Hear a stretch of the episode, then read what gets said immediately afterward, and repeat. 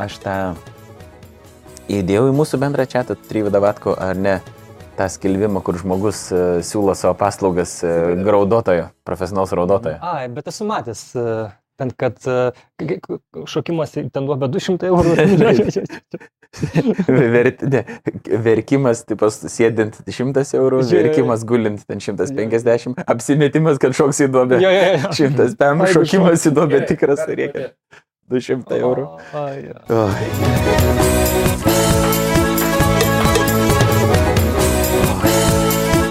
Sveiki, mėlyjeji ir netokie mėly e, jūs asmenys, sėdinti šalia manęs ir žiūrintis mus jūsų žydruosiuose ir kitokiuose e, ekranuose. Šiandien e, padariau tokį lepsusą, kai padariau lietuviškai tariant double bookingą ir turėjom laidą įrašinėti XFM radio studijoje.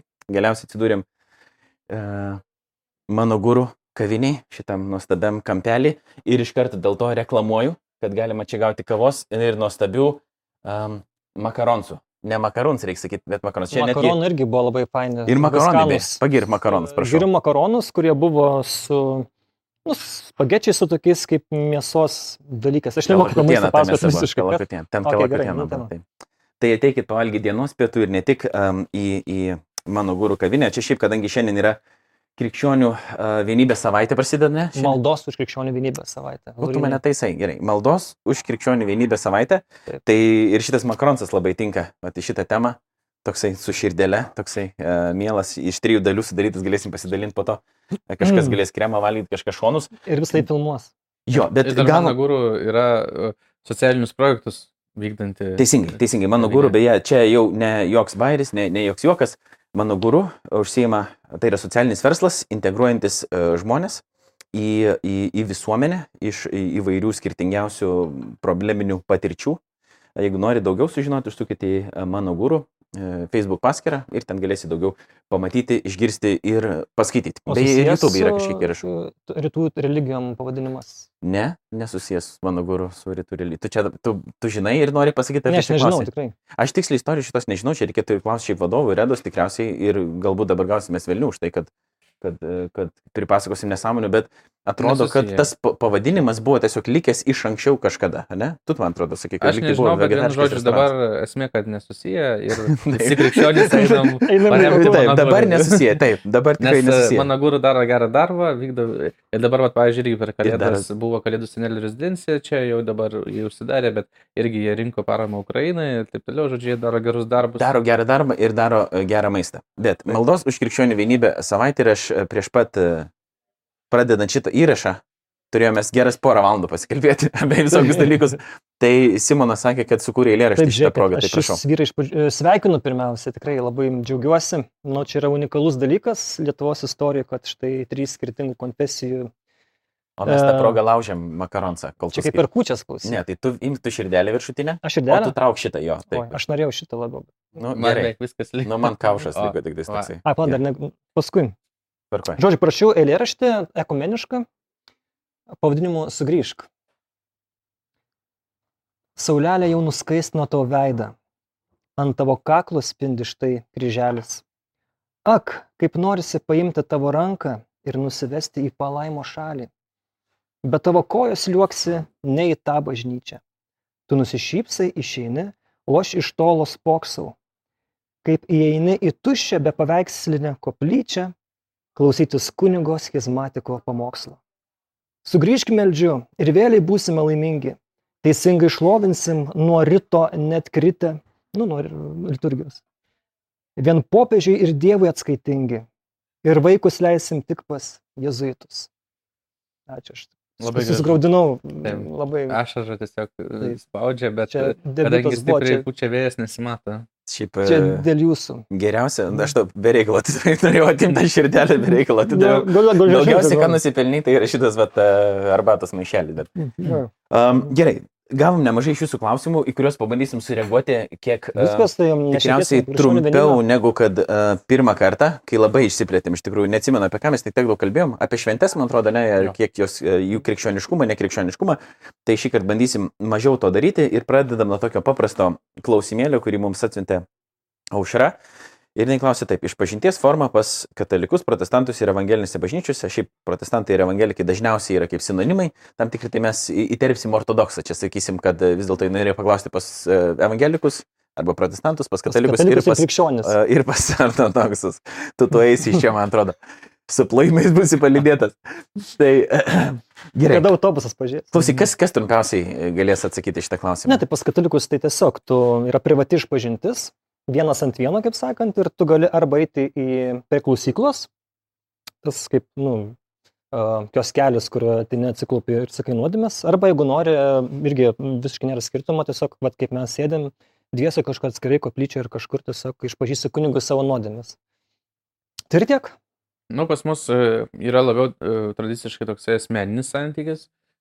Išpažinti, vat, įdomus toksai vat, kultūrinis skirtumas, kad e, pas katalikus e, viduramžiais atsiranda klausykla, tarsi vat, taip e, slaptoje viskas anonimiškai vos nevyksta, ar ne, o pas ortodoksus prastai yra toksai kaip staliukas, ant kurio guli Evangelija ir kryžius, ir e, ten stovi šalia staliuko kunigas, staliukas vadinasi analojus, ir prieina žmogus ir pakankamai laisva forma, jisai išpažįsta savo uh, nuodėmės, e, taip sakant, va, tai, uh, akistatoje su kunigu bendraudami ir pabaigoje kunigas duoda išrašymą, netgi toksai vat, kontaktas, kad savo stulą epitrachilių apdengia galvą, e, e, fintą. maldas taip, e, žmogui. E, ir e, čia, taip sakant, tokia yra e, įprasta išpažinties e, forma, nors e, teologiškai irgi yra suprantama, kad išpažintis, sakykime, yra toks e, platesnis dalykas, yra daug visokių įdomybių, bet išpažintis vyksta. jau, jau, jau žadėjau išsivesti. ne?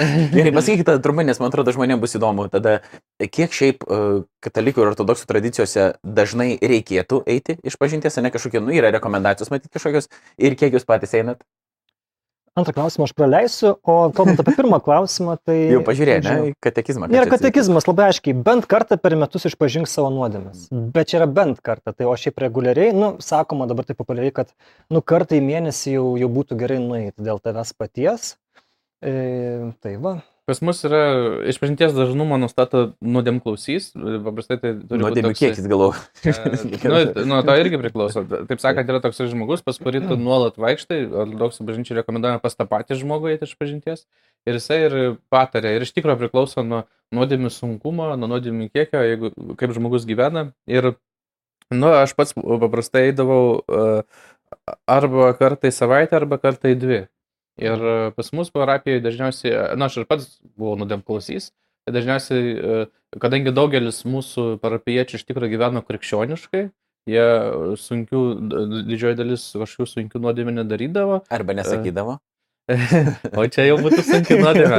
Ne, jie daugelis kažkokių sunkių nuodėmė nedarydavo, gyvendavo pakankamai e, krikščioniškai visumoje, dėl to irgi e, mūsų, mes keli kunigai tarnavom, tai mūsų bendra praktika buvo, kad mes sakydavom e, kartą į savaitę arba kartą į dvi, e, bet šiaip kitu, kituose kraštuose, kitose tradicijose, pavyzdžiui, ypač vat, skiriasi, sakykime, mūsų kraštų ir Graikijos praktika, nes, pavyzdžiui, Graikijoje e, ten gali žmogus ir kartą į mėnesį arba kartą į tris mėnesius ateiti e, iš pažinties.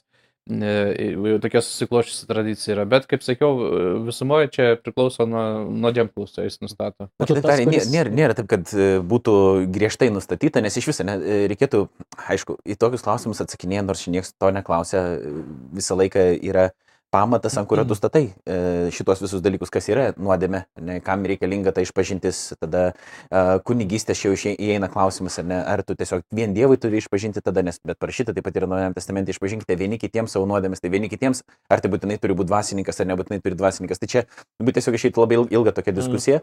Bet e, evangelikų ratuose, kadangi tų denominacijų yra e, ne- viena ir ne dvi, tai e, šiaip priklauso labai nuo denominacijos ir netgi nuo konkrečios bažnyčios, tai aš negaliu pasakoti ir kalbėti už visas, bet bendrai tai paėmus, kiek man yra tekę nemažai iš tikrųjų bažnyčių ir lankytis ir kalbėti, jos yra skirtingų denominacijų, tai Būna, kad išpažintis, nes kai kurie galvoja, kad nėra gal evangelinėse bažnyčiose tose vadinamose netradicinėse Mhm. ne, e, išpažinčių, bet jos egzistuoja. Tik dažniausiai yra tai, kad, nu, pavyzdžiui, pasakoma, kad vat, kas nori po pamaldų, tada stovės vyresnėji, pavyzdžiui, ir bus galima pas juos ateiti ir pasikalbėti, paprašyti maldos ir netgi išpažinti. Tokia, nu, ne tik, kad išpažinti atlikti ne, bet Tai yra iš principo tai yra tas pats jo, tiesiog pasikalbėti, pasakyti savo Mhm. nuodėmės ir, ir kartu pasimelsti, kad kažkas pasimelstų, tai egzistuoja tokia irgi praktika. E, Dažniausiai tai e, negali sakyti, kad tai yra labai regul- reguliaru arba ko to labai būtų, nes dažniausiai nu, e, yra suprantama taip, kad e, nuodėmė e, tavo pirmiausia yra, nu, nuodėmė yra greunanti tavo ir Dievo santykiai, pirmiausia, tai tu. Ir pas jį ir eini, ir jeigu tu nusidėjai prieš kitą žmogų, tai tu tada eini su juo susitaikyti. Pavyzdžiui, ne, jeigu kažkas yra atsitikęs ir nusidėjęs prieš kitą žmogų. O tada jau tos e, vat nuodėmės, kadangi Dievas atleidžia, ne, ten nėra jokio tarpininko um, kažkokio, Mhm. yra tik vienintelis tarpininkas Jėzus Kristus, kaip yra parašyta šventajame rašte, tai dėl to nereikia eiti per kitą žmogų, bet kadangi parašyta yra vis dėlto Naujame testamente, Mhm. kad išpažinkite vieni kitiems savo nuodėmės ir šiaip tai yra gera idėja uh, ir tai yra istorinė krikščioniška tradicija, tai vis dėlto tai yra, tai yra daroma, tik nėra kažkokio tokio griežto reguliarumo arba labai griežtos formos arba netgi, žinai, kažkokio konkretaus Mhm. asmens, bet, bet vis dėlto tai kažkokia forma tai yra, tai yra, tai yra daroma. Aš tai norėčiau dar tai pridėti, galbūt žmonėm, kurie, sakykime, maž, mažiau žino ten apie krikščionybę, krikščionybės istoriją ir panašiai, e, tokį momentą, kad apskritai, va, netgi aš mačiau katalikų katekizmai irgi tai va, yra pripažįstama, kad šiaip jau kaip mus, e, sakykime, seminarijai mokė, tai seniausia išpažinties forma bažnyčiai, tai buvo vieša išpažintis, kai e, susirinkdavo krikščionių bendruomenė ir vienas žmogus išeidavo į priekį ir sakydavo, aš padariau tą, tą, tą, tą, atleiskit man ir taip toliau, taip toliau. Ir e, čia pasirodo iš tikrųjų tikrasis išpažinties tikslas, nes e, e, jeigu sk- skaitome Jono, apaštalo Jono laiškus Naujajame testamente, tai tenais kalbama yra apie e, nuodėmę mirčiai. Arba nuodė, nu, e, paskui katalikų tradicija atsiranda Mirtina. mirtina nuodėmė, bet tenais kalba apie nuodėmę mirčiai, jeigu šventą raštą kalbą e, naudoti, ar ne, kad yra nuodėmė mirčiai ir yra nuodėmė ne iki mirties. Ir vienu žodžiu, ir e, taip paprastai kalbant, ankstyvoje krikščionių bendruomeniai buvo suvokiama, kad yra tokios labai sunkios nuodėmės kaip stabmeldystė, svetimavimas, nužudimas ir panašiai. O tokios labai sunkios nuodėmės. Ir pačioj pir, pir, pirmoji bažnyčiai, netgi kaip pat Jono laiškė irgi matom, buvo toks įstikinimas, kad jeigu e, žmogus tikrai myli Dievą, jis tokių nuodėmių negali daryti. Ir pati pirma buvo e, bažnyčios reakcija, kad e, e, jeigu žmogus padarydavo labai sunkią nuodėmę, tai jie atskirdavo nuo bažnyčios ir viskas. Ir, Jis galėdavo atgailauti. Bet E, bu- užtrukdavo gal ten labai daug metų, kol jisai atgailaudo ir paskui... Čia jau vėliau atsirado šitą praktiką. Okay. Nes e, jau, jau čia irgi, ta, prasme, kalbu apie pačius dešimtmečius pirmus bažnyčios. E, tada matom, yra toksai mm, veiklas Hermo ganytojas, kur pirmą kartą matome vadinamą antrąją atgailą. Pirmoji atgaila buvo krikštas, kai žmogus palieka visą stabmeldystę, svetimavimą, visą seną gyvenimą ir krikštiesi ir tampa bažnyčios nariu. Ir Hermo ganytojas rašo apie laikus, kai buvo labai dideli krikščionių persikėjimai ir labai daug žmonių išsižadėjo Kristus. O tai buvo irgi mir- mirtina nuodėmė mirčiai. E, reiškia, žmogus jau irgi e, nutraukė savo ryšį su Dievu ir su bažnyčia. Ir atsiranda antroji atgaila, kad žmogus e, gauna antrą šansą, atgailaudamas prieš bendruomenę, yra tam tikra procedūra, bet grįžti į bažnyčią. Ir iš to atsiranda vat, jau ta uh, nuolatinė atgailos praktika, kai žmonės uh, yra tam tikra procedūra, ne iš karto jie priimami į bendruomenę, bet padarę sunkę nuodėmę, jie gali grįžti. E, o e, dabartinė ta asmeninės išpažinties forma atsiranda kartu su vienuoliniu sąjūdžiu, kai atsiranda dvasios tėvai, vadovai ir atsiranda asmen, e, praktika asmeniškai išpažinti. Ir ortodoksų mm, apeigose išpažinties sakramento, o tai yra labai stipriai išreikšta, kad viena vertus kuningas yra netarpininkas, o liudininkas, jis yra atgailos liudininkas, kita vertus jis tarsi atstovauja bažnyčią. Maldose išrišimo yra žodžiai, kad e, prijung e, jį prie savo bažnyčios, kad e, žmogus ateina nusidėjęs, nes nuodėmė jį atskiria nuo Dievo ir nuo bažnyčios. Ir kuningas atgailos sakramento metu prijungia jį prie bažnyčios. Ir tai tarsi vat, pakeičiama ta pirminė praktika, kai žmogus atgaladavo prieš visą bendruomenę ir bendruomenė jį priimdavo atgal į bažnyčią. Nes aišku dabar ir išaugus bažnyčiai e, ir dabar mes matom, kad taip e, šita praktika būtų labai sudėtinga, ar ne, kaip įsivaizduojam, vat Vilniuje yra tarkim, katalikų bažnyčios didžiulės, bet ir ortodoksų yra e, tikrai irgi ne, nemažos parapijos, kur ne po 20, ne po 30 žmonių ir išeina žmogus prieš nepažįstamų, galima sakyti, minę. įdomu, ir ateitų pasakotų. žmonės susirinktų. Bet Čia, matai, va čia kas yra įdomu dėl to, kad evangelikų ratuose vis dėlto tai e, egzistuoja, dėl to, kad evangelikų ratai bent jau Lietuvoje yra žymiai mažesni.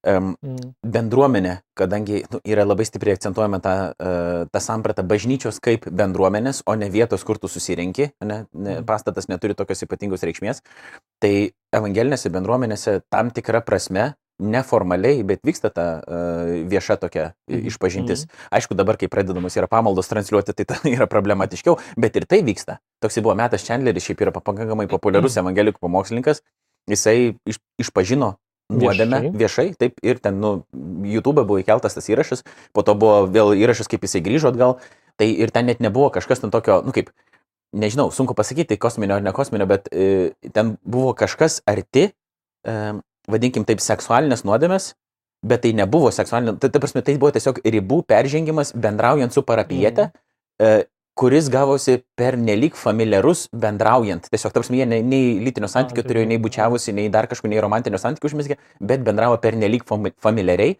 ir jau jie tai laikė, kad tai yra per daug, kadangi jis yra pastorius ir e, neturėtų jis taip elgtis. E, Tiesiog, nu, tai yra tam, kadangi jis turi savo šeimą, jinai turi savo šeimą ir kažkokia riba buvo peržengta tiesiog tame asmeninėme bendravime, kur daugam net nekiltų problema. Nu, mes taip pat išpažinti. Jo, Jo, ir jisai tiesiog išpažino ne, šitą Mhm. dalyką su ašaromis akise, kaip sakyti, jisai atsitraukė nuo bažnyčios kurį laiką, sako, aš dėl to negaliu dabar ir, ir nus- nusprendėm su vyresniaisiais, kad aš negaliu Jo. pamokslauti dėl to. Ir tada po kurio laiko jisai grįžo ir tada vėl, nu, kaip sakyti, pristatė. Tai ne tik Amerikoje, bet ir, sakau, Lietuvoje tam tikrą formą tai vyksta. Irgi, kai iš priekio nu, žmogus gali pasakyti kažką, bet tai nėra, jis- sakoma, va dabar bus išpažintis, bet tiesiog žmogus bendruomeniai pasako, ne, kad va, kažkas įvyko tokio. Ir bendruomenė tai, tai išgirsta. Tik čia vat, reikėtų irgi vesti tokį vat, momentėlį, ne, kad bent jau evangelinė mąstymė um, dažniausiai nėra operuojama tam savokom ten sunki, nesunki nuodėmė. Mhm. Dažniausiai, ne? Tai bendrai, kad nes žmogus jau atsibundi, tu jau iš principo jau esi kaip ir nusidėjęs, jeigu turiu omeny nuodėmę sampratą tokią, kad nepataikyti taikinį. Mm. Tai reiškia nepilnai, netobulai mylėti Dievą. Nu ir tu visą laiką netobulai myli. Dievą. Ir dėl to, kaip sakyt, tu niekada nesi, nu, prasme, nu, tokioj, tokioj būkliai, kad tu galėtum sakyti, ai, nelabai turiu ką išpažinti. Tarsi, tu visą laiką gali sakyti viešpatį, tai nepakankamai tave mylėjau, taip. aš ne, ne, nu, tiesiog mano mintis nebuvo ten, kur turėjo būti, ar ne, aš, nu, tiesiog, va taip yra. Yra tokia nuolatinė būklė, dėl to net, žinai, ir būtų labai sunku įformalizuoti, pasakyti, va, po tokių ir tokių dalykų, tada tau reikėtų prieiti iš pažinties arba išsipasakoti. Tai čia vienas dalykas. O kitas dalykas, kai jau yra formalizuojama, pavyzdžiui, yra evangelinėse bendruomenėse, ne, e, ir jeigu yra lyd, nu, lyderio pozicijose tam tikri žmonės, ne, ir kažkas sužino, kad kažkas įvyko, ne, tai tada jau yra, pavyzdžiui, atskirimas nuo bendruomenės, kaip vyksta kažkoks toks. Tada jau vyresnėji, arba bažnyčios taryba, arba dar kažkas, kad ir kaip be pavadinsi, nes skirtingos ba- bažnyčios turi tas skirtingas tokias struktūras, tai tada ir sakom, va čia jau jie kalbasi, tiesiog diskutuoja tarpusą, sako, va čia jau yra kažkokia problema, pavyzdžiui, tas žmogus nebegali būti bažnyčios dalis, arba tas žmogus, pavyzdžiui, nebegali mokyti, nes jisai moko klaidos, klaidingo mokymo, ne jisai gali būti bažnyčios narys, bet jis nebegali mokyti, ar dar kažkas va tokio, ne, bet jau tada pakankamai e, nuvyksta lokaliu to tokiu lygmeniu, to konkreti ta bendruomenė su savo ta vadovybė, jau tada jie sprendžia tos klausimus va, maldingai, kaip ką reikėtų padaryti. Jo, čia irgi aš norėčiau pridėti, kad ortodoksai formaliai neturi, e, kaip katalikai, skirties miltina, nemiltina nuodėmė, nėra pas mus irgi tokios skirties formalios, bet aišku, e, nu, mes matom bažnyčios praktikoje, bažnyčios kanonuose ir vat, istorijoje e, tam tikras vat, skirtumas tarp nuodėmių yra, tai jisai labai logiškas yra, nes vienas dalykas, jeigu žmogus valgė mėsą penktadienį ir kitas dalykas, jeigu jis kažką nužudė.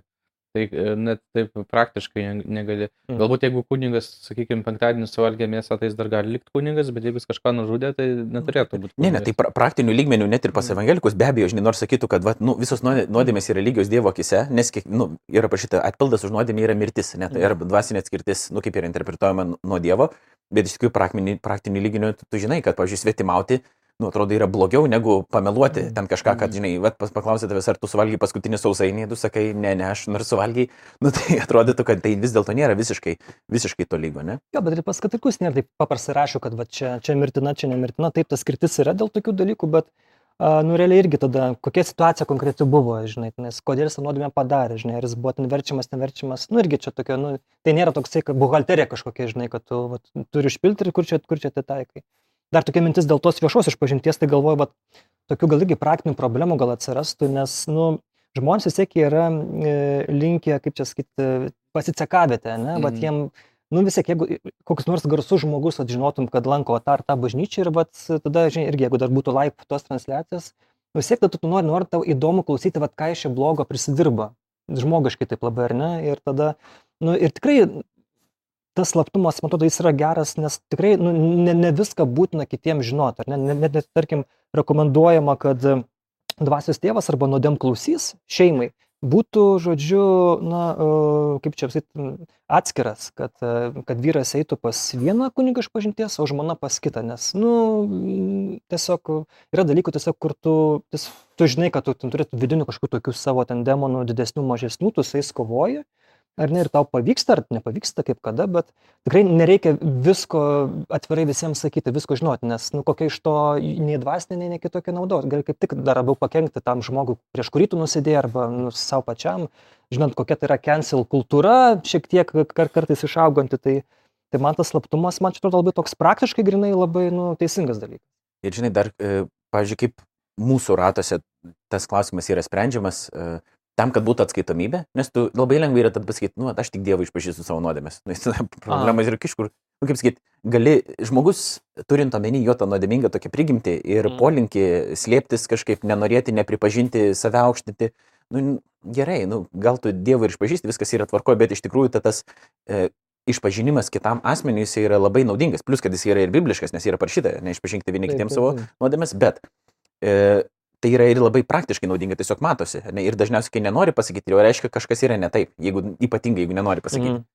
Ne, tai, uh, tai yra uh, toks kaip sprendimas, nežinau, mano ratuose, kaip, kaip tai yra daroma, kad uh, yra kažkokia vyrukų grupė, uh, man kaip vyrukai, mm. ne mhm. tada, uh, patik, patikimų žmonių, kurie žinai, kad jie yra tavo draugai, jie yra tavo broliai Kristuje, geriau, kad būtų dar ir vyresnių, kurie, kurie yra ilgiau tikėjami negu tu kuriems tu esi tiesiog nuįsipareigojęs pasakyti, jeigu pradedi gribauti. Ne, mhm. galbūt turi vieną artimesnį kokį ir tada kokį tris dar tokius, su kuriais tu sustinki karts nuo karto ir kad žinai, kad vat, nu, šitoje vietoje tu galėsi pasakyti, kad kažkas yra ne taip, už mhm. tave pasimels, tau, tave gal sudraus ir tai mano gyvenime yra labai praktinės mm. naudos turėjo ir dar, na, nu, kaip sakyti, ir tebe turi. Bet mes užsikalbėjom. Oi, čia. Trumpas. Dabar bandykim trumpiau, vėl iš tikrųjų panašus. Klausimas e, tik susijęs dabar jau nebe su uh, išpažinties atlikimo forma ir dažniu, bet su komunijos prieimimo dažniu ir galimybėm skirtingose konfesijose. Tai, Dar čia kitas klausimas. Jo, ir po to yra ir išsiskyręs, gali valgyti e, duoną arba kitaip priimti komuniją skirtingose konfesijose ir katalikai lyg šitą tai dalyką ir draudžia. Duoną galima duoną valgyti. Duoną galima valgyti, bet... Išsiskyręs nesvarbu. Jo, tai tu tada atsakai kaip tai katekizmą vėl atsiverčiam, žodžiu, jeigu paprasčiausiai. Pa, pagal tą raidę jo, bet... Tai gal man, iš vis, ta prasme, kam tu sėdė šitam podcast'e, mes tai tiesiog tai katekizmą tu praversk ir viskas pasakysi. Ne, paprašiau, bent apie Velykas primk Eucharistijos sakramentą, bet vėl čia yra čia bent, tai čia tiem gal žmonėm, kurie, nu, va, ten kartai į metus ir ateina į bažnyčią, tada toks yra, nu, jiem iš, išpažinti atlik ir primk komuniją, bent jau tiek, bet čia aišku. O, o taip tai kiekvieną sekmadienį yra, yra jau toks, kaip yra įsakymas sekmadienį švesk, o, o, o kai tu šventi, tai tu natūraliai tu ir nori priimti komuniją. Tai bet kiti priima kiekvieną dieną ir Aišku, tai kaip sakai, žinai, taip pat sukritikuos tave, kad nėra tokio sakymo, sekmadienį švesk. Prasme, yra, kad šabo diena. Šabo diena, nu, bet, e, bet čia yra atskiras klausimas. Jeigu bus kada nors apie sekmadienį, mes kaž, kažkada galėsim kalbėti. Konvertuoji sekmadienį ir gaunasi, žodžiu. Ne. Ir gali du, du kartus į, į vieną dieną priimti komuniją katalikas. Čia, Jeigu trečias slaptai. Viskas tada viskas blogai. Nežinau, blogai. Ne, pas mus tik vieną, kad per dieną galima priimti, jeigu apie maksimalias galimybės ir ne. O šiaip e, irgi kaip ir su išpažintim, tai priklauso nuo vietinės tradicijos ir netgi vietinės tradicijos keičiasi, nes pavyzdžiui, mano močiutė ukrainietė, ji buvo auklėta eiti komunijos kartą į tris mėnesius. Mm. Ir ten labai rimtai ruoždavosi, pasninkaudavo savaitę ir taip toliau. Ne. Tai va. Uh, ir uh, Tikrai pagyrė tave. Nes tęsk mintį, gal dar pagausi. Kol dar nepabėgu, gaudyk tą mintį už uodegą. Gerai, tai mano mačiutė Ukrainoje buvo e, e, auklėta kartą į tris mėnesius eiti. Ir e, carinių laikų tokiam katekizme Filareto Maskviečio tenais parašyta, kad irgi ten privaloma, čia kaip sakyti, ne visuotinės bažnyčios norma, bet irgi iš esmės nusistovėjo tradicijoje, kad kaip ir katalikų bažnyčiai, kad e, jau bent kartą per metus tai tikrai turėtų žmogus neiti komunijos. Ir tais laikais, XIX amžiuje, rašė, kad štai e, na, pamaldus krikščionis e, retai kartą į tris mėnesius. Tai čia mano mačiutė tai buvo auklėta. Bet iš tikrųjų 20 amžiaus pradžioje, jeigu kalbėtume apie šito regiono bažnyčią, šito regiono tradicijas, tai kilo Eucharistinis sąjūdis ir žmonės buvo skatinami dažniau eiti komunijos ir buvo toks šventas senas kronštadėtis, kuris beje ir Vilniuje buvo, ir lietuvių kalba yra jo knygų išleista, kuris e, darė du dalykus tokius labai ekstravagantiškus. Tai vienas e, ekstravagantiškas dalykas jis darydavo viešą išpažinti, bet mm. kitaip negu pirmais laikais. Jis... Ant motociklą atvažiuodavo ir. Uh, ne. Stovėdamas be rankų. Jisai uh, uh, melsdavosi su minė žmonių, pavyzdžiui, susirinkdavo ten tūkstantis ar net daugiau žmonių, ten minė tai čia, žmonių. Tai čia Bilis Gremas. Nu, čia kažkas tokio, bet 20 amžiaus pradžioje. Ir čia Vilniui, kai jisai atvyko, tai ten laikraščiai rašė, kad jau tris dienas prieš žmonės pradėjo uh, uh, laukti jo uh, traukinių statyti.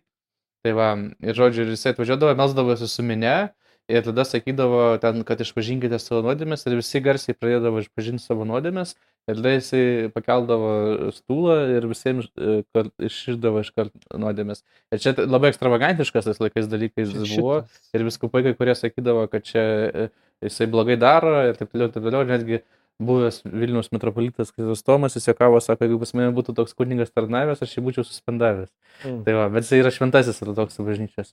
O kitas dalykas, ką jis ekstravagantišką darė, jis pats e, tarnaudavo kiekvieną dieną ir primdavo komuniją kiekvieną dieną ir skatintino žmonės, ko e, dažniau eiti iš pažinties ir primti komuniją. Ir e, jisai va, vienas buvo iš tų Eucharistinio sąjūdžio tokių skatintojų, kas, e, kuris paskatino žmonės kuo dažniau eiti. Dėl to, pavyzdžiui, parapijose, kuriuose aš tarnaudavau e, Lietuvoje, kaip tik mes turėjom dažną komuniją. Tai žmonės, kaip sakiau, eidavo iš pažinties e, kartą į savaitę arba kartą į dvi. Ir dažniausiai kartą į savaitę, na, jeigu būdavo švenčių ir e, dažniau eidavo komunijos.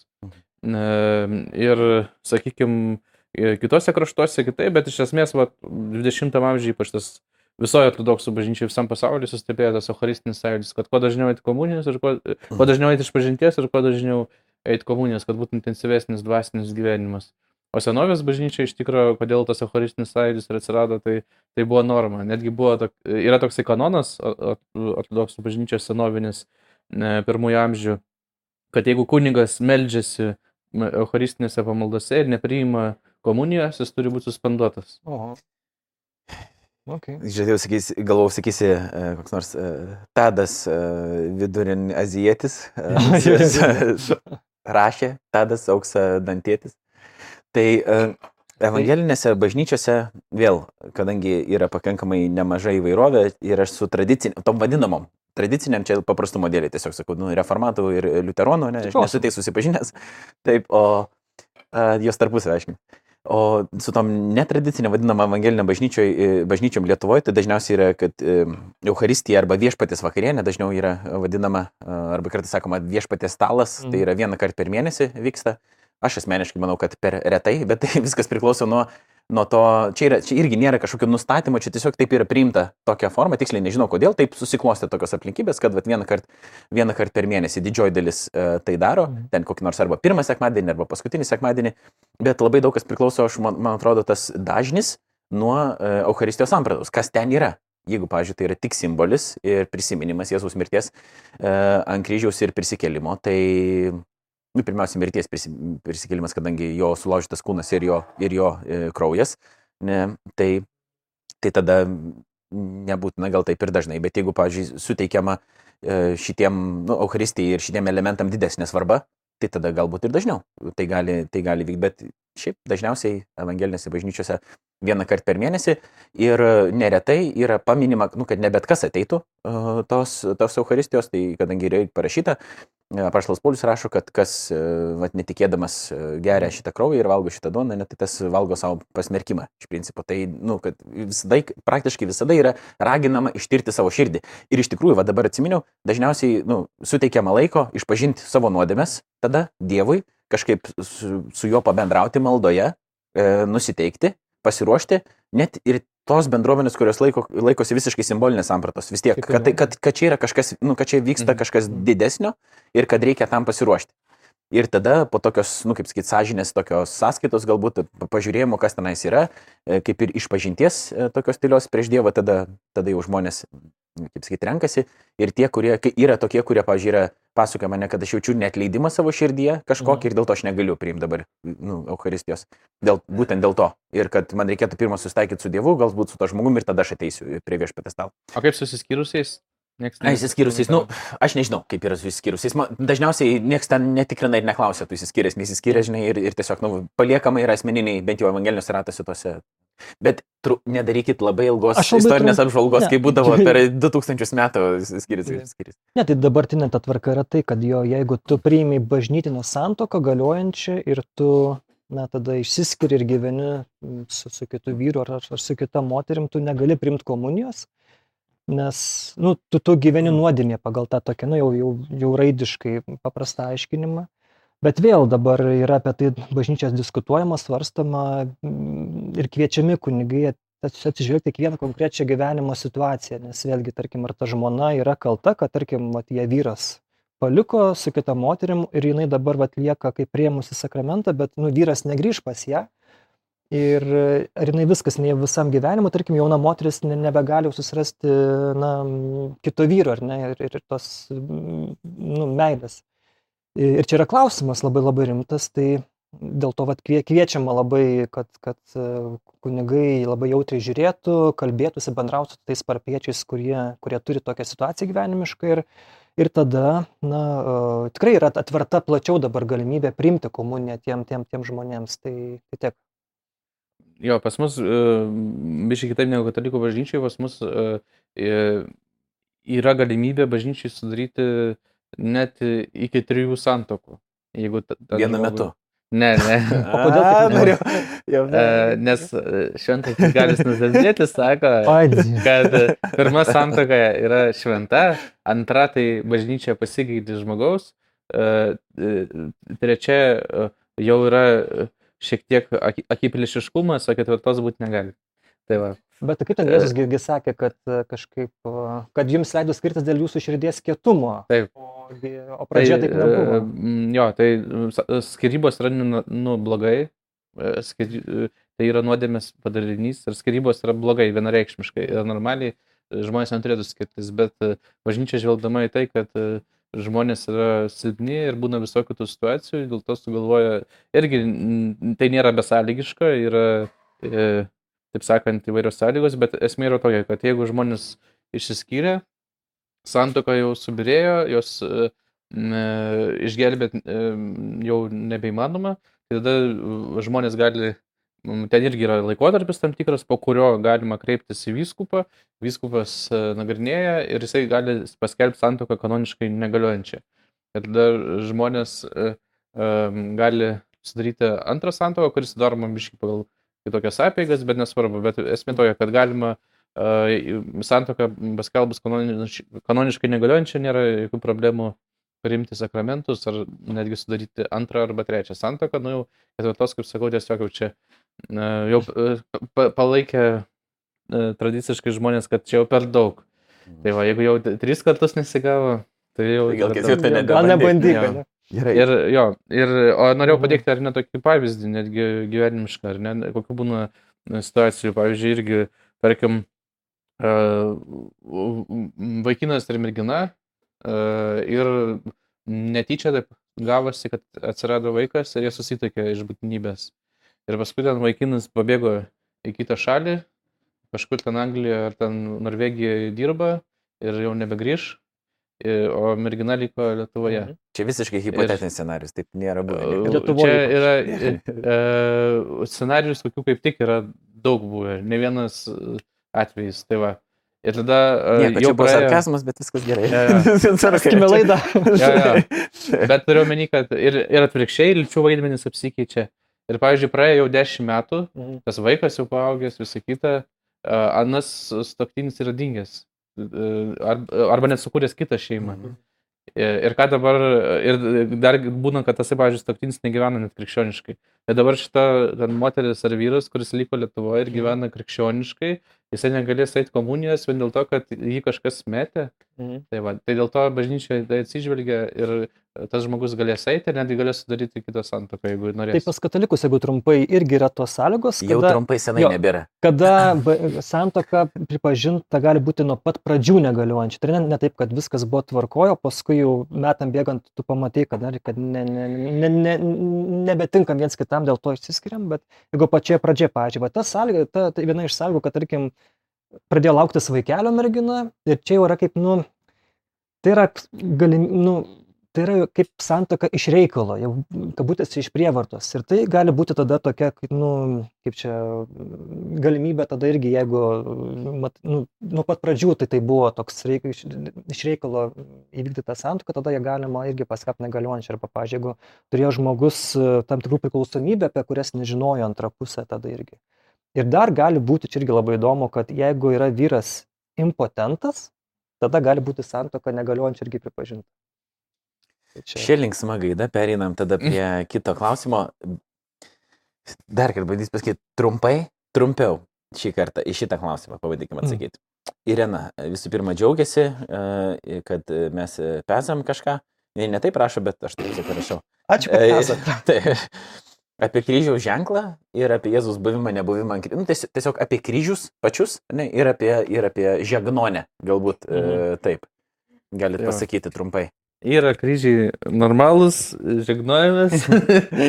ir šitą, ir, tarsi mes e, krucifiksai, nes nukryžiuotų. Mes žegnojamės uh, iš dešinės į kairę, trim pirštais, švenčiausia trejybė, e, dvi Kristus prigimtis, viename taške sudedant tris pirštus, vienas Dievas, sutat trumpai. Mhm. Nu tai jo. Ir Euharistijoje tikim Kristus buvimu. Mhm. Irgi tu stapatinti save su Kristum kryžiaus ženklą e, darydamas. Tu prisimeni e, kryžiaus e, reikšmę mūsų istoriją, mūsų išganimą ir, ir tikėsi, kad per, per savo, kad, kad Jėzus, kuris mirė ant kryžiaus ir prisikėlė, tave taip pat prikels amžinam gyvenimui. Tai toks labai. Na, šiaip e, evangelikai dažniausiai nesižegnoja, kai kurie da, taip. Aš nematau problemų žegnojimėsi, šiaip kai uh, atsiverčiau, tai bandžiau daug dalykų nedaryti, kuriuos darydavau prieš tai vien tam, kad kažkaip save atskirti nuo negyvos tradicijos, vadinkim taip, ne, nuo, to, kas būdavo negyva, ten nieko tame nebuvo, tai ir, ir nesižegnuodavau. Dabar priklauso nuo, nuo situacijos, ta prasme, galiu žegnotis, galiu nesižegnoti, Mhm. gal čia atrodys kažkam keista, bet, bet taip, nu, taip yra. Dažniausiai nesižegnoju, bet jeigu, jeigu, kaip sakyti, situacija reikalauja arba jaučiu taip kažkaip nu iš vidaus, pavyzdžiui, net ten, tam tikras nu, simbolinis veiksmas, vis dėlto pradėjau matyti, kad simboliniai veiksmai vis tiek jie egzistuoja ir evangeliniai krikščionybė, tik klausimas kokie. Ne? Ir dažniausiai tas kažkoks nedarimas vienu ar kitu dalyku jis yra susijęs ne kažkokiu su bibliniu požiūriu ar bibliniu tiesų prieimimu, bet jis yra susijęs su reakcija į kažką, kas man nepatinka, ką aš laikau, kad yra nu, neteisinga ir dėl to nu, nedarysiu visko praktiškai. Tai, tai jo, bet uh, tas e, patys kryžiai dažniausiai evangelinėse bažnyčiose, jeigu jie, jie būna, e, patalpose, kur, pavyzdžiui, renkasi bendruomenės, neretai būna, bet niekada nebus krucifikso, beveik niekada. Nu, Mhm. pas liuteronus tikriausiai bus, ne? Aš e, tiksliai dabar nežinau. Nu, Bet- tai yra, va, čia Yra, yra. Jo, jo. Vokiečių Tai gatvė. bet- Kryžiuotasis. Bet, bet pas, e, pas evangelikus, tos vadinkim netradicinius, ne, e, bent jau, nu, ne tik Lietuvoje, šiaip dažniausiai nebus. E, Nebus paprasčiausiai dėl to, kad e, svarbu yra, kad Jėzus prisikėlė ir dėl to jo ant kryžiaus nebėra. Ta prasme, jis yra palaidotas ir jau prisikėlė. Ir dėl to nebereikia mums, kaip sakyti, jo žiūrėti vien tik jo mirtį. Mes akcentuojam jo prisikėlimą, bet kadangi Paulius mini, kad jisai džiaugiasi kryžiumi, ar, ta prasme, nu, ir, ir, ir kryžius yra svarbus mums, ne? tai yra kas nešioja kryželius, yra kas nenešioja, yra krucifiksų kažkiek, ne, tai reiškia, nukryžiuotojų, bet daugiausiai yra kryžiai be, be Kristaus e, prisiminant jo prisikėlimą, bet yra ir dalis evangelinių bažnyčių, kurios laikytų bet kokį nu, vat, Mhm. atvaizdą to pačiu ir, ir kryžių, e, stabmeldystę ir dėl to neturi nieko praktiškai. Ta prasme, ir bažnyčia turės tik tais sakyklą ir galbūt gėlę kokią nors, Mhm. nu ir Bibliją turės, ne, bet, Mhm. bet neturės net kryžiaus dėl to, kad ir kryžius yra atvaizdas ir dėl to atrodys jiems, kad tai yra nederama, net, net ir to turėti. Tai va, o kodėl, pavyzdžiui, yra tada pas e, ortodoksus ir, ir, ir katalikus nu, nukryžiuotėjai visą laiką, kas netikit prisikėlimu, kas jums yra. Šiaip pas mus iš tikrųjų, jeigu pažiūrėt į ikonos nukryžiavimą ir mūsų krucifiksus, tai, e, kaip sakyt, meninis būdas, kurio yra vaizduojamas Jėzus ant kryžiaus, jisai pabrėžia ir prisikėlimą. Tai yra, e, vat, galima pamatyti tokį dvi- dvigubą dalyką ir kančią ir Mhm. prisikelimą. E, katalikų tradicijoje labiau toksai visas krūvinas. Ir viduramžių. Pranciškus Asižiečio. O katalikų, o ortodoksų tradicijoje kaip tik vat, galima matyti tą prisikelimą ir dažnai himnuose, kuriuos mes gėdom, e, e, vienas iš himnų, pavyzdžiui, skamba prieš tavo kryžių parpuolame viešpatė e, ir tavo šventą prisikelimą e, šloviname. Tai ta, e, iš karto yra ir kryžius, ir prisikelimas. Tai tas labai pabrėžiama ortodoksų tradicijai, kad ir kryžius, ir prisikelimas. Taip, ta kančia ant kryžiaus gal pabrėžiama tuo, jog, na, žmogiškai uh, Dievas, kadangi pats kentėjo ne, ir turėjo tokią neteisingą bausmę, tai jis supranta ir mano asmenišką kančią, mano sunkumą. Ir vėlgi aš tada viliuosi, kad, kad jis kartu yra su manim bet kurioje gyvenimo situacijoje, bet, bet kokiam dugne ir bet kokiam džiaugsme. Ir jis mane veda į prisikelimo link. Tai ir tas dalykas, kad, na, jeigu nebūtų Kristaus, tada, beveik kažkur girdėjau tokį paaiškinimą, kad tada vienas kryžius tikrai būtų neteisingumo, kančios, e, tokios beprasmės, skausmo simbolį ir tiek. Bet kadangi yra Kristus, kuris tą patį kryžių jisai pakelia, pašventina, tai dėl to viskas gyvenime turi naują prasme, naują, naują kvapą, naują skonį ir naują kokybę. Tai net ir kančia, net ir mirtis. Man Kalbant įdomu- apie naują skonį ir naują kokybę, galim pasidalinti šitą sausainį dar. O, E, taip. Nes e, praeitą kartą aš suvalgiau makaronų didžiąją dalį, tai tik širdelį gavai, tai aš dabar imsiu šitą mažą trupinį. Tai va, e, o buvo toks neseniai ten, e, krikščioniško humoro grupiai memas, kur ten e, kas būtų, jeigu Jėzus būtų nenukryžiavę pakorę Mhm. ir ten visur ant bažnyčių Nu, pakarokliai. Tai iš tikrųjų irgi toksai va, momentas susimastyti, ar ne, mes dažnai pripratę, kad kryžius arba ten žegnonė, tai ti- tiesiog toksai yra, nu, kaip, kaip sakai, negyva tradicija. Tiesiog va, yra kryžius Mhm. ir viskas, kaip dekoracija. Bet iš tikrųjų kryžius yra kankinimo įrankis ir mirties bausmės įrankis. Ir mes vat, apie tai irgi taip mažai susimastom. Ir iš dalies manau, kad vat, irgi, kai būna ten e, krucifiksas, gal tai irgi iš dalies e, e, padeda a- apmastyti, ypač man patikdavo e, per gavienę, kai e, mūsų tradicijai būdavo išstatoma e, per vidurį bažnyčios būtent e, tokia, na, pas mus e, skulptūrų nėra tokia ikona, su, e, bet ir krucifiksas to pačiu. žodžiu. 3D tokia ikona. Nu, net ne 3D, kaip tik va 2D, Mm. bet jinai, nu, krucifiksas. Nu, vienu žodžiu, nesvarbu. Bet esmė, kad yra gali, uh, didys, didįjį penktadienį apmastai tą Kristus kančią, ar ne? Ir tu, vat, uh, apmastai taip, vat, kad tai būtent ne šiaip kažkoks tai ženklelis ar dekoracija, bet tai yra būtent mirties bausmės įrankis. Ir Jėzus ken- kentėjo mirties bausmę. Ir toks kankinystės nuoroda irgi, nes krikš, būdamas krikščionim, tu irgi tu turi turėti omeny- kad tu gali irgi būti kankinys tam tikrose situacijose. Ir negali žinoti. E, Gerai. E, Beje, prieš tai klausimą apie komuniją klausė Agnė, to nepasakiau, dabar Martinas. e, Klausė, kaip vertinate vakarų, ypač JAV, katalikų ir evangelikų pozicijas Ukrainos klausimų. Stebint tokius kanalus kaip Pines with Aquinas, Meto Fredo, e, bet čia, nu, čia yra katalikų apologetas, būtų taip galima jį pavadinti vienas tokių žinomiausių galbūt e, YouTuberių katalikų ir apskritai krikščionių. Ir jų bendruomenės matyti aiškus nenoras pripažinti Rusijos kalties, greičiau priešingai Rusiją paversti tokia kovotoja už tradicinės vertybės, kabutėse jau labai jaučiasi West-splaining faktorius. Man atrodo, kad tai labai sukompromituoja krikščionybę iš mūsų pozicijų, jau nekalbu apie Petersono viražus Rusijos tematiką, kad ir kaip išmintingai skambėtų daugeliu kitų klausimų. Nu ir po to trumpa panegirika ir ypatingai Simonui. Tai kaip? Kaip jūs, pabandyk, kadangi apie šiaip, apie Rusijos klausimus mes daug kalbėjom, kadangi ypatingai gintaras, kaip sakyt, asmeniškai jį liečia daug Mm. dalykų su to susijus, tai mes jau kalbėjom ir atskira buvo laida tam, ir per Davatkas mes kalbėjom apie tą patį, tai trumpai, truputį galim sureaguoti į tai, kad e, į vakariečių, vadinkime taip dabar jau ne, ne lietuvių, krikščionių, tokių, pavyzdžiui, ypatingai JAV, kaip Meta Fredo, tokius keistus pasisakymus, galbūt Rusijos tema, kur Ne paties mažiau... Fredo, bet jo pašnekovo ten vieno. Ne, net ir pats Fredas, žinok, yra kažkaip taip, aš kadangi jo klausau, tai, A. žinai, sunku taip, e, nu, nėra tiesiogiai sakomas kažkoks palaikymas, bet, e, bet tokie, nu, jo, yra tokie keisti, keisti pasisakymai, tiesiog vadinkime taip, kurie nėra vienareikšmiškai suprantami. Jo, Martinas turi meni tuos, kas būna po YouTube tais vaizdyrašais ten, kas, kas rašo mm, Fredo gerbėjai ir ten jau kokių nesąmonių. Prie, prie, Ai, nu, nu, tu jo, tol- toliau komentaruose galbūt su Jo, diskutavai, aš nemačiau to, bet. tai čia. Nežinau, man kažkaip atrodo, kad, nu, žinai, viena vertus labai liūdna, labai gaila ir gėda už, už krikščionis, kurie, nu, ma, galvoja, kad Rusija yra krikščioniškų vertybių skleidėja, nors ten aš ten satanizmą matau žymiai daugiau negu krikščionybės. Jeigu tu skai, kad ten vadovausi krikščioniškom vertybėm, gini šeimą, bet tu tuo pat metu savo pasiunti žmonės, kad kitas šeimas bombarduotų ir žudytų, tai čia, nu, čia net nėra ką diskutuoti.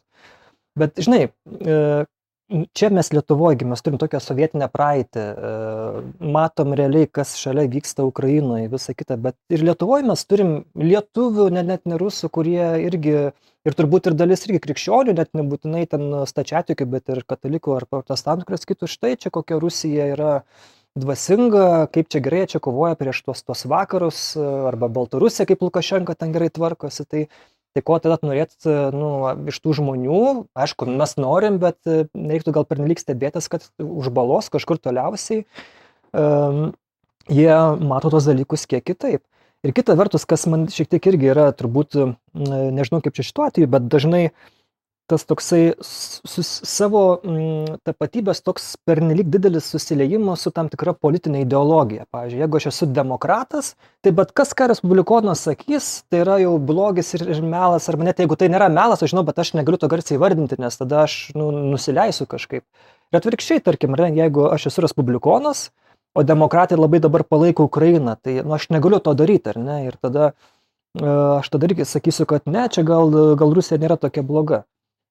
Lygiai taip pat kaip čia Lietuvoje, ar ne, pavyzdžiui, tarkim, kažką ten bandai diskutuoti su žmogum, bet jis sakys, o tu čia kalbėk kaip konservatoriai, arba čia kaip Landsbergis, žinai, arba atvirkščiai tam, tarkim, tu čia kalbėk kaip koks ten Brazauskas kalbėdavo. Ir viskas, tu jam ne, ne, nebėra jokios kalbos.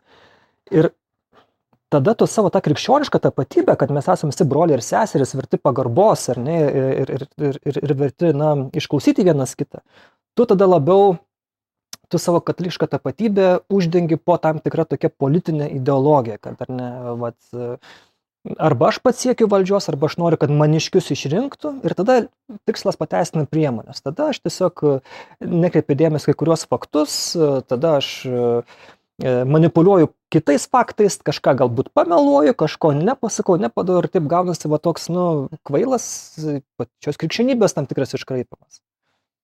Tai nežinau, ar atsakiau, bet tokias Nu, reikės klausti Martino, kaip mm. jisai. Aš tai norėčiau, nu, pirmiausia, ten apie evangelikus ir katalikus, tai aš nelinkęs komentuoti, nes e, kitos konfesijos ir savo kiemą pirmą reikia man susitvarkyti, bet norėjau apie tą momentą, ar nes Rusijos, nes iš tikrųjų čia sena Rusijos propagandinė taktika, aš apie tai irgi esu rašęs, tame tarpe per ortodoksų bažnyčią, per patriarchą į Kirilą ir prieš tai buvusius, bet čia vat, toks bandymas buvo patriarchas Kirilas savo knygoje lietuvių kalba beje pasiekiamoje, laisvė ir atsakomybė, jis apie tai rašo, kad štai yra rusų pasaulio civilizacija ir yra vakarų civilizacija.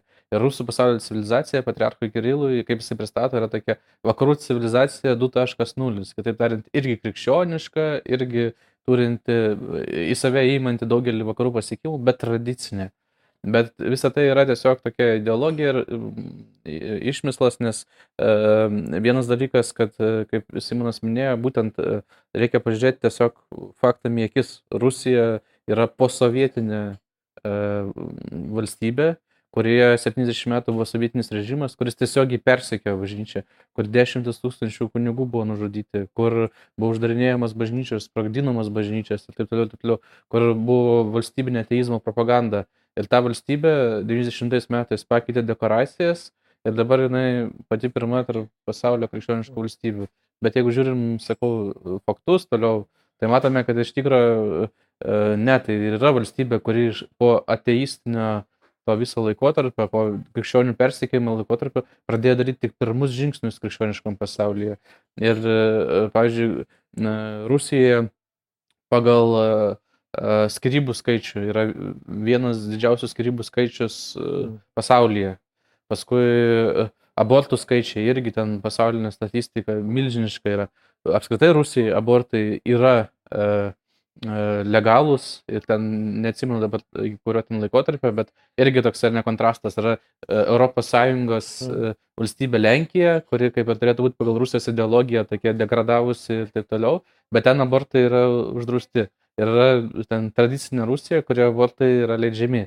Ir e, irgi ten, jeigu palyginti Lenkijoje, lankančių bažnyčią skaičius, jisai realiai sekmadieniais lankančių bažnyčią žmonių skaičius, statistiškai galima pažiūrėti, statistika internete, ji yra aukšta. O Rusijoje ten tarp 1 ir 3 procentų žmonių lankosi sekmaniais bažnyčiai. Tenais į Velykų pamaldas ten apie 3 procentus ateina, yra, žodžiu, statistika. Ir netgi jeigu žengtumėm toliau, štai mes vakaruose diskutuojame apie lyties keitimo klausimus, bet man teko skaityti, kad dar 97 metais Rusijoje sėkmingai žmogus pase pasikeitė lytį. Taip pat Rusijoje ten buvo įvairūs tie tokia irgi vieša reakcija tai, kad ten žymus žmonės naudojasi in vitro dirbtiniu vaisinimu, suragatinė motinystė ir taip toliau. Kitaip tariant, visą tai, kas pas mus vakaruose dabar ateina ir mes apie tai diskutuojame, čia krikščioniška, nekrikščioniška, ten visą tai nuo sovietmečio liko ir įstatymų niekas nekeitė. Ir bažnyčios socialinis mokymas egzistuoja savo, o įstatymai savo. Tai, Žodžiu, yra blogai. E, tai, kaip sakyti, kiekviena visuomenė turi savų problemų, bet nereikia apsigauti. Ir aš manau, kad čia va, turėtų krikščionių ir mąstančiam žmogui turėtų būti pirmas e, toksai pavojaus signalas. E, jeigu kažkas nėra kritiškas savo, tai yra pavojaus signalas. Vakarai kaip tik yra savo kritiški. Mes žinom, va, tai yra apie katalikų problemas, yra apie evangelikų problemas, dabar žinom ir apie ortodoksų e, iš tų, kurie kaip tik disidentai yra bažnyčiai. Bet e, būtent, kad e, apie katalikų problemas kalba netgi popiežius, ar ne? Ir va čia yra sveiko e, gyvenimo pavyzdys, kad popiežius irgi ten kalbėjo ir apie pedofiliją ten ir taip toliau, taip toliau. Nes organizacija priima, kad yra problemos ir bando jas reaguoti. Rusijos ortodoksų bažnyčia, jeigu pažiūrėsit, tai vad būtent mes susidurėm su to, kad jokių problemų nėra, yra tradicinė krikščioniška visuomenė, taip toliau, toliau čia vat, jeigu kažkokios problemos yra, tai čia kažkokia periferija ir taip toliau. Ir tai turėtų būti toks, sakau, vat, pavojus signalas. Bet kurioje organizacijoje, jeigu atėjot į religinę organizaciją ir ten vadovai savo, kad problemų iš esmės nėra, kad mes patys geriausi, patys tradiciškiausi ir taip toliau, tai yra pavojus signalas, kad kažkas yra ne visai taip. Čia kaip tos valstybės, kurios pasidina demokratinė respublika, tai supras, kad jau tikrai toje valstybėje bus diktatūra. Labai aiškiai. Tai e, aš trumpai sureaguosiu, galbūt, nes man atrodo, iš dalies į Martino klausimą galima atsakyti labai paprastai. E, ten net labai giliai nereikia apstytis.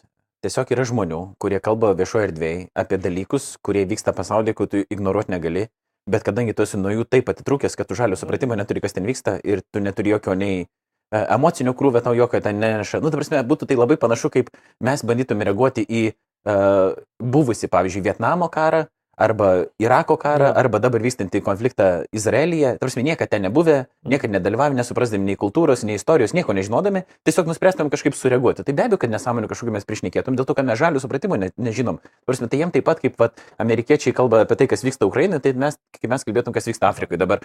Ir nes, nu, mes tiesiog nes, nesusigaudom. Ir, ir kad nusprendė, žinai, nu tiesiog, važiuoju, metai Fradai patinka Dostojevskis, nu ir valio, ta prasme, geras autors ten visą kitą, ne, bet ne, nu, ne, ne viskas yra teisingai visada pasakyta kiekvienu klausimu, ne, bet, bet autorius puikus klasikas, visą kitą. Mhm.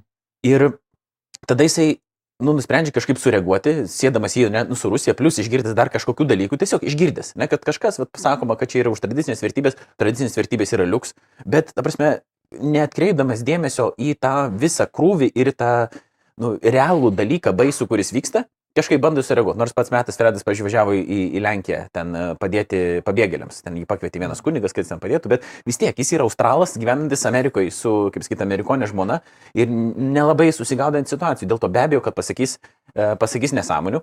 Čia ir vienas dalykas. Net ir e, vakarų Europoje gyvenantys žmonės toliau nuo mūsų, nuo Ispanijos, ta prasme, jiems tas karas čia, nu, jiems nėra toks, mums, nu, Baltijos šalyse gyvenantiems, ten Lenkijoje, dar kažkur, nėra toksai jisai svarbus, nei jisai taip liečia, nei jie gali kažką pasakyti, nei jie nori kažko pasakyti ten. Net krepšinio pasaulyje tai matys, kaip, sakykime, reagavo krepšinio komandos ir ten ir gali mm. mūsų regione. Ir kaip, pažiūrėjau, kokio Ispanijoje reaguoja, kai jiems, ta prasme, nu, kažkas vyksta, tai vyksta, bet mm. jų tai niekaip neliečia, ne? Tai čia vienas dalykas yra. O kitas politiniai jo yra tie momentai tokie, kad e, vis dėlto, ne, krikščionis jaučiasi e, ypatingai, pažiūrėjau, Amerikoje. Dabar tenais daug dalykų yra ten pajudėjusių, kur mes nenorėtumėm į tą pusę.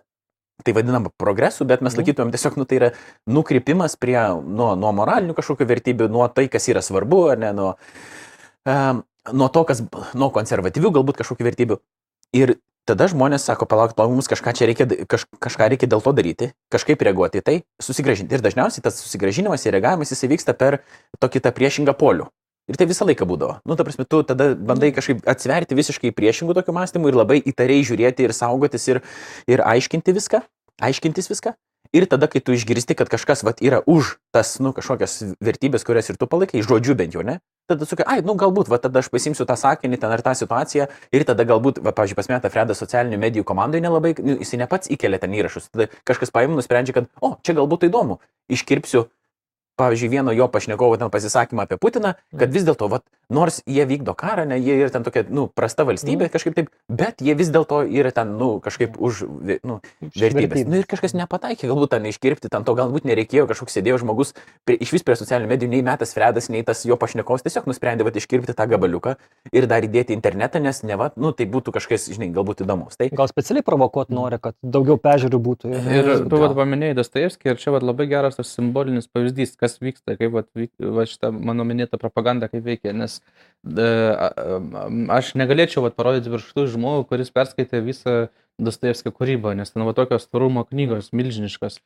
Tais laikais, dabar yra podcastai, o tais laikais nebuvo nei... Dostojevskis veda podcastą? Ką? Dostojevskis podcastą. Iš esmės taip, nes, suprantate, nebuvo nei radio, nei televizijos, nei YouTube, žmonės skaitė literatūrą. Mm. Ir e, kaip dabar yra serialai visokie, tai tada buvo nusikaltimas ir bausmė, skaito žmogus diena iš dienos ir aptarinėja su draugais ir taip toliau, mm. taip toliau. Ir prirašyta krūvos, Dostojevskis, Tolstojus ir taip toliau.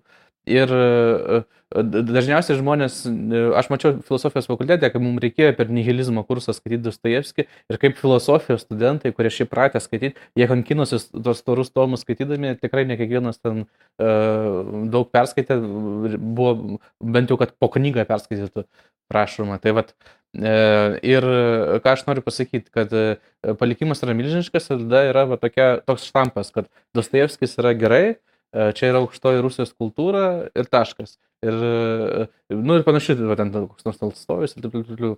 Ir štai buvo ir aukšti kitų bažnyčių, ten dvasininkai pasisakė, kaip gerai yra Dostojevskis. O jeigu mes atsiverčiam Dostojevskį, aš kaip tik Facebook'e paustinau pavyzdžius, ten apie katalikus yra prirašyta tokių dalykų, kad jie visai nekrikščionis, kad jie tarnauja. Raitytųsi tau ten. Taip, taip, kad jie ten tarnauja antikristų ir taip toliau. Bet čia vėlgi apie tą patį, ar ne, kad taip, yra labai nuostabių dalykų pas Dostojevskį ir man labai didelį įspūdį paliko Dostojevskio demonai ir pamačiau tenais daug ką, ką gal, nežinau, galimai ir kažkas pasnyčia pasiskolinta, o gal Žodžiu, tai ta, pakankamai tokia aukšta filosofija.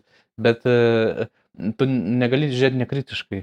Ir normali kultūra, ir normali organizacija į save žiūri savikritiškai. Nu, vakarų mm. kultūrai taip yra priimta. Ir kai žmogus tu sako nekritiškai, pas Dastieski viskas gerai, čia aukštoji kultūra ir taip toliau, taip toliau, neliesk Dastieski, tai irgi yra toks pavojus signalas, nes mm. visur yra uh, tam tikrų trūkumų. Ir krikščionio žvilgsnis turi būti atgailos žvilgsnis, ar ne nuo ko prasideda ir Jono Krikšto, ir Jėzaus skelbimas atsiverskite, nes prieartėjo Dievo karalystė. Ir e, krikščionio užduotis yra nuolatinis atsivertimas, gyvenime nuolatinis atsivertimas ir savirefleksija. Tai va, ir už tai, e, žodžiu, saugokitės e, pamokslininkų, kurie nėra savikritiški ir kurie apie save vis laik gerai šneka. Gerai, mums jau reikės baiginėti aš kaip suprantu, bet gal mes vieną dar kokį klausimėlį aptarsim. Mhm. Rebekula Eritakus klausė mūsų. Gražus vardas. Nežinau, kaip reikia ištarti iš tikrųjų, bet čia matyti yra kokia nors reikšmė, čia rodau savo arba latinų kalbos neišmanimą, arba čia yra tiesiog išgalvotas koks nors dalykas ir, ir nieko bendro su latinų kalba neturi. Ar danguje išliks pasirinkimas daryti nuodėmę, jei ne, kaip tada išeina su uh, laisva valia? Nu, čia nėra tikriausiai tokio visiškai vienpusiško atsakymo, čia yra tokios teologinės nuomonės, matyti jos gali būti. Ne, nu, ortodoksų bažnyčia yra. Turi, nusakyk, kaip tada yra.